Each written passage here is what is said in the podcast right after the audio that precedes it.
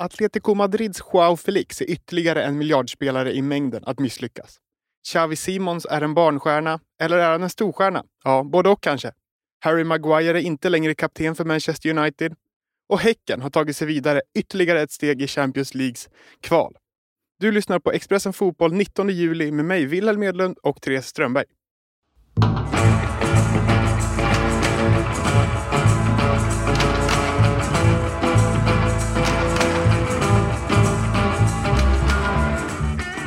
Therese, jag nämner Joao Felix som en spelare som har misslyckats och han kostade över en miljard.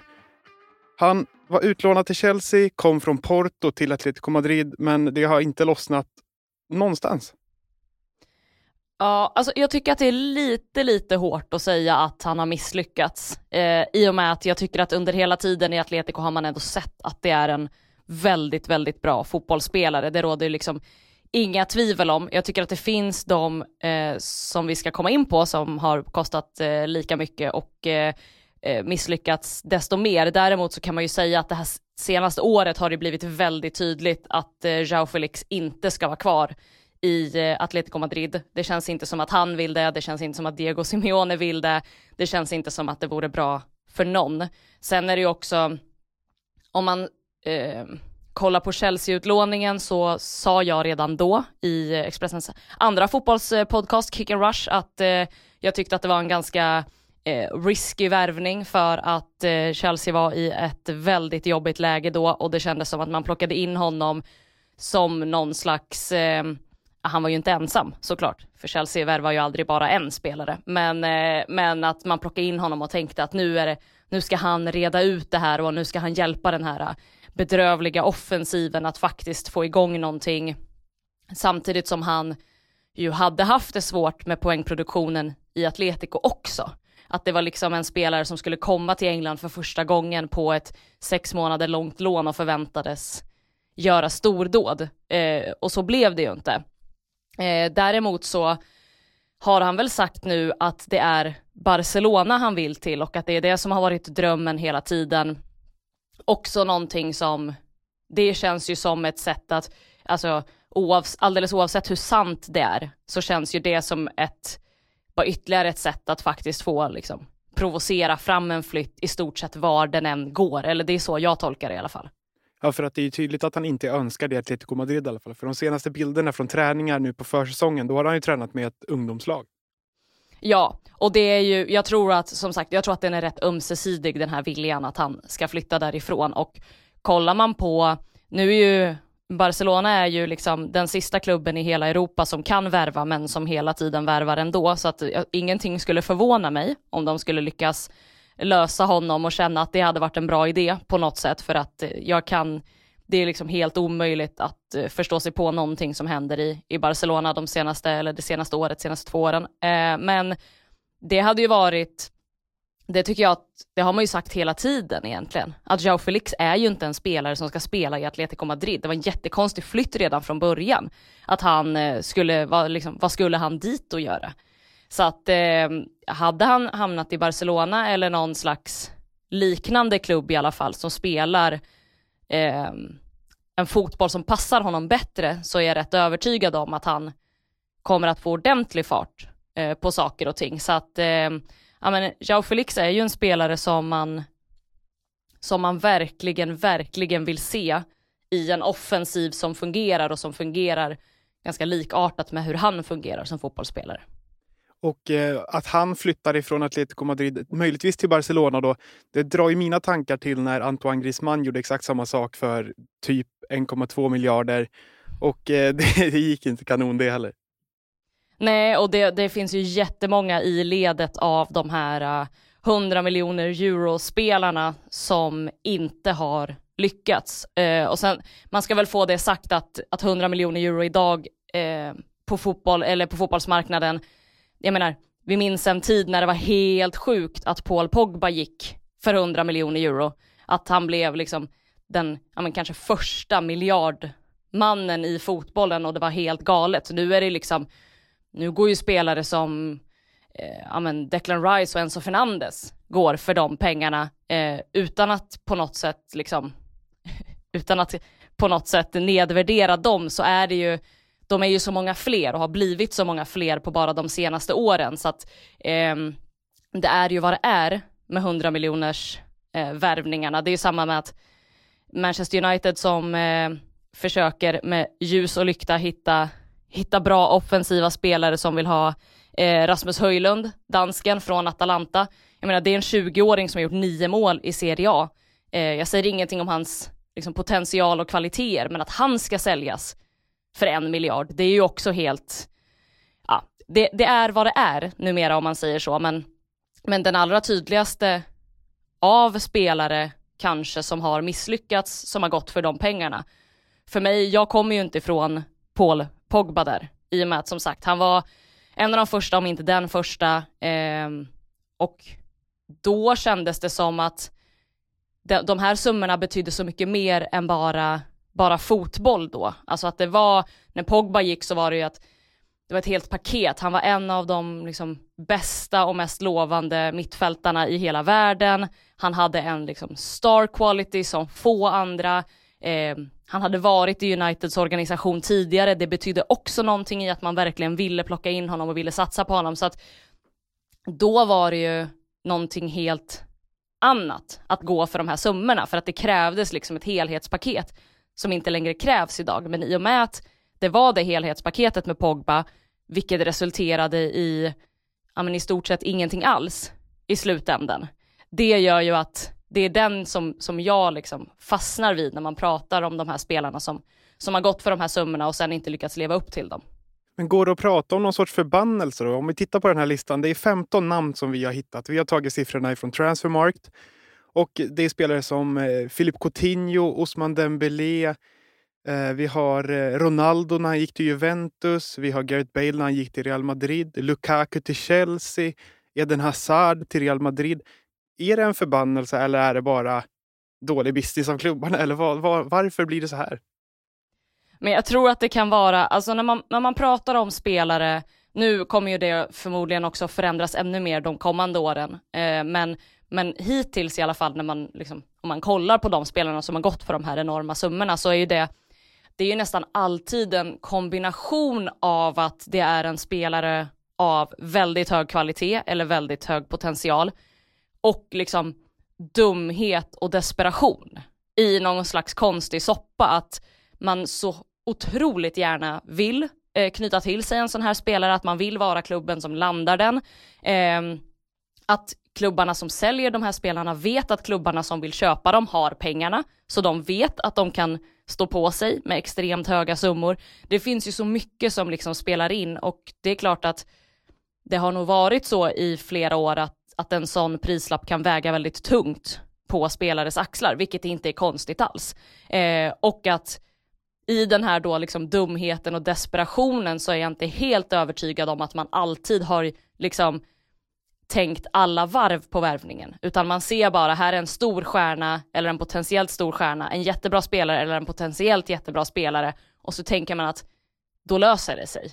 Eh, och många gånger så gör det ju det och det går ju att hitta liksom jag tycker som sagt inte att Jao Felix är någon superflopp. Jag tycker inte man kan säga att Bale blev det i Real heller, även om det liksom mot slutet blev väldigt infekterat och, och han hade en del skador som, som förstörde och sådär. Men sen finns ju å andra sidan de här som verkligen har varit dunderfloppar. Kolla Hazard till Real Madrid till exempel, som ju liksom är en helt, ja det är ju ett fruktansvärt öde för en av de liksom bästa spelarna man har sett i Premier League. Så att eh, det, finns ju, det finns ju både och där. Det går ju inte att säga kanske att, jag menar, ja Neymar, det går ju att liksom hitta en floppstämpel på honom i PSG om man vill. Samtidigt går det inte. Alltså så att det, det är ju så väldigt mycket som ska, eh, det är väldigt mycket som ska stämma eh, och ibland sätter man kanske också lite för höga förväntningar på, på spelare som går av, eh, eller för summor av, av den här kalibern.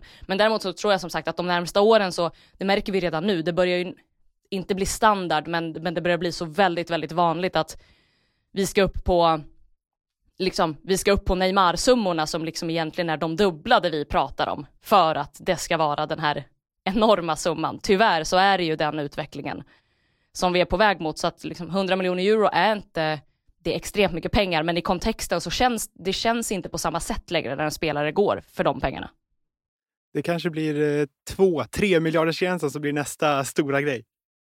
Ja, vi får, väl, vi får väl se. Man blir ju illamående och yr bara man tänker på det. Så är det. Välkommen till Coolbet där spänningen aldrig tar slut och underhållningen står i centrum. Här får du inte bara Sveriges bästa fotbollsodds, du får också en spel...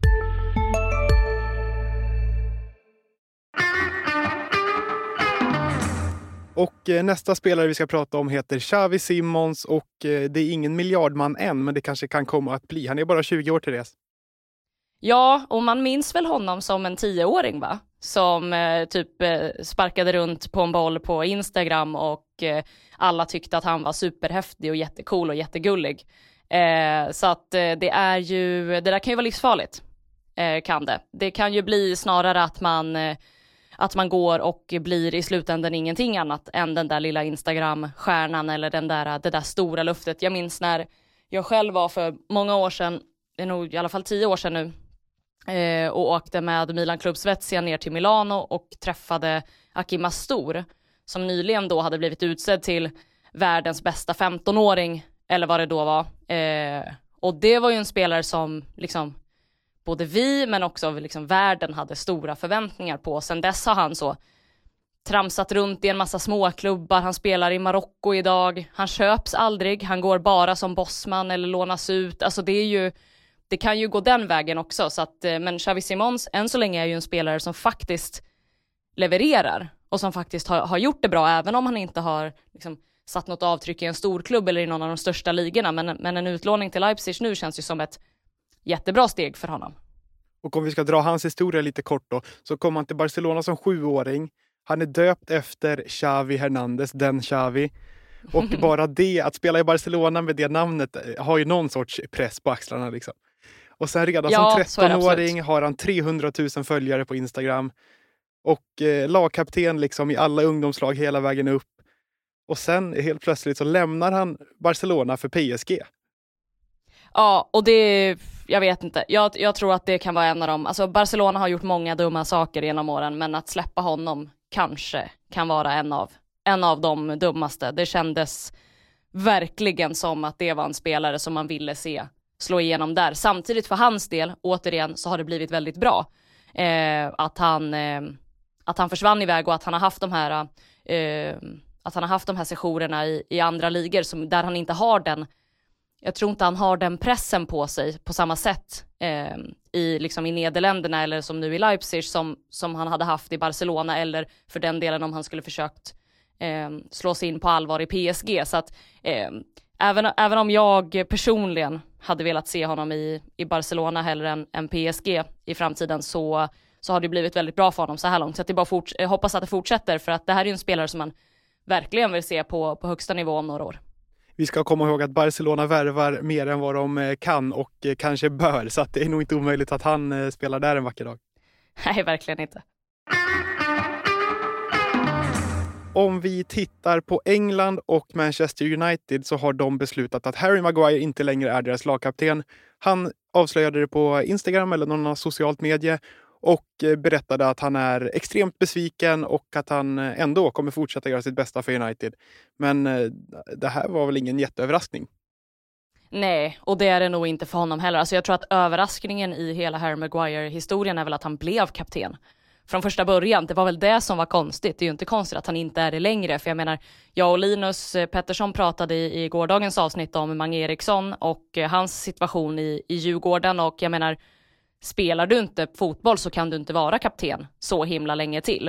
Eh, och Harry Maguire har ändå fått sin tid som kapten även när han har suttit på bänken. Så att eh, jag förstår såklart att han är besviken och jag menar återigen, jag har sagt det många gånger förr, Harry Maguire var inte en dålig fotbollsspelare när han kom från Leicester. Han, det har, har bara, som för väldigt många andra i United, inte blivit bra.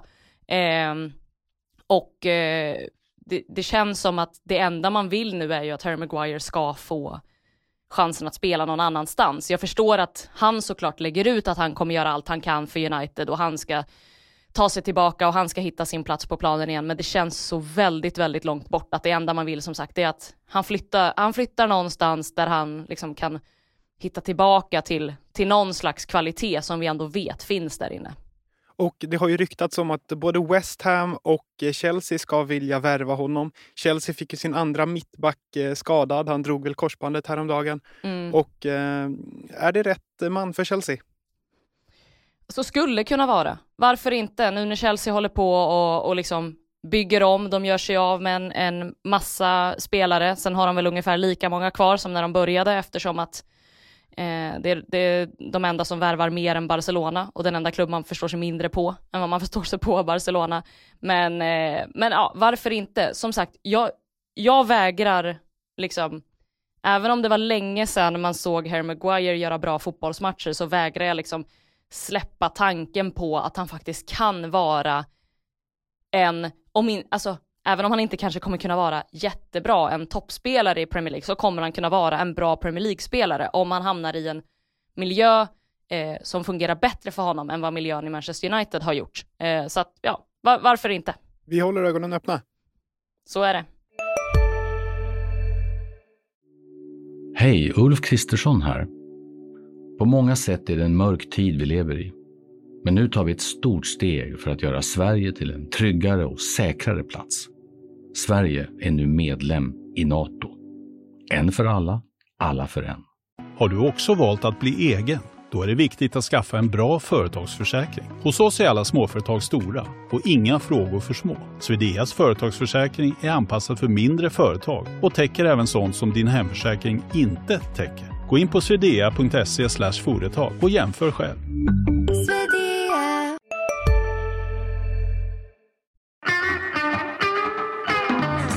Och igår så gick Häcken vidare till nästa runda av kvalspelet i Champions League. De vann med 2-0 och 5-1 totalt mot walesiska TNS.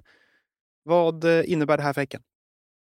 Eh, det innebär jättemycket. Dels innebär det ju såklart en del pengar. Det innebär att det är bra för deras eh, koefficient att de faktiskt vinner båda de här matcherna när de eh, går vidare. Och det innebär ju också att det som jag konstaterade redan förra säsongen att Europa Conference League som man var så väldigt, väldigt skeptisk till när den lanserades, kan ju vara det bästa som har hänt svenska klubbar i Europa, framförallt svenska klubbar som vinner SM-guld. För att göra det och få kvala till Champions League, jag menar, tar du dig förbi det här första steget, då är det ju garanterat minst spel i playoff till Conference League.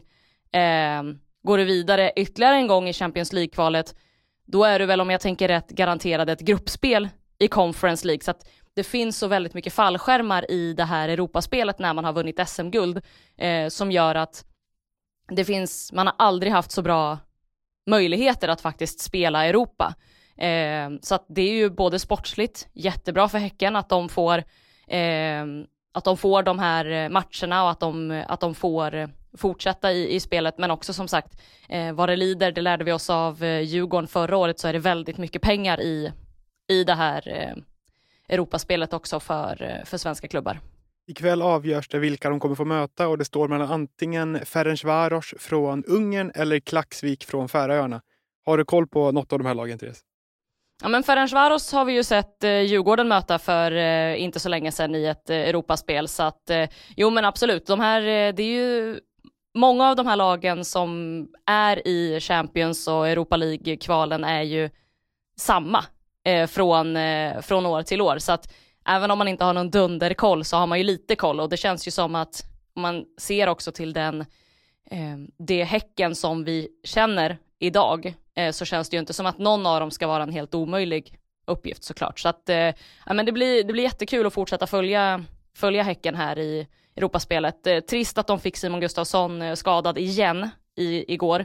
Eh, nu vet de ju hur man spelar fotboll utan honom, men han är ju en helt otrolig spelare som vi får väl se vad, vad det är för någonting och hur länge han blir, blott, blir borta och sådär. Men, men det är såklart inte bra för dem eh, nu, särskilt om de fortsätter gå vidare och fortsätter Ja, de ska ju fortsätta spela alldeles oavsett, så att eh, det är inte bra att truppen tunnas ut. Och det gjorde den ju dessutom med att Benny Traoré faktiskt blev klar igår för Sheffield United. Kan vi också bara nämna när vi ändå pratar om Häcken. Och om du får tippa då bara lite snabbt. Hur många svenska lag spelar europeiskt cupgruppspel i höst? Åh herregud vad svårt. Eh, jag säger ändå att det blir två. Två. det återstår att se. Expressen Fotboll är tillbaka redan imorgon.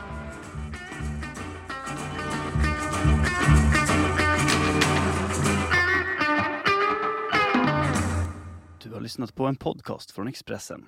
Ställföreträdande ansvarig utgivare är Karin Olsson.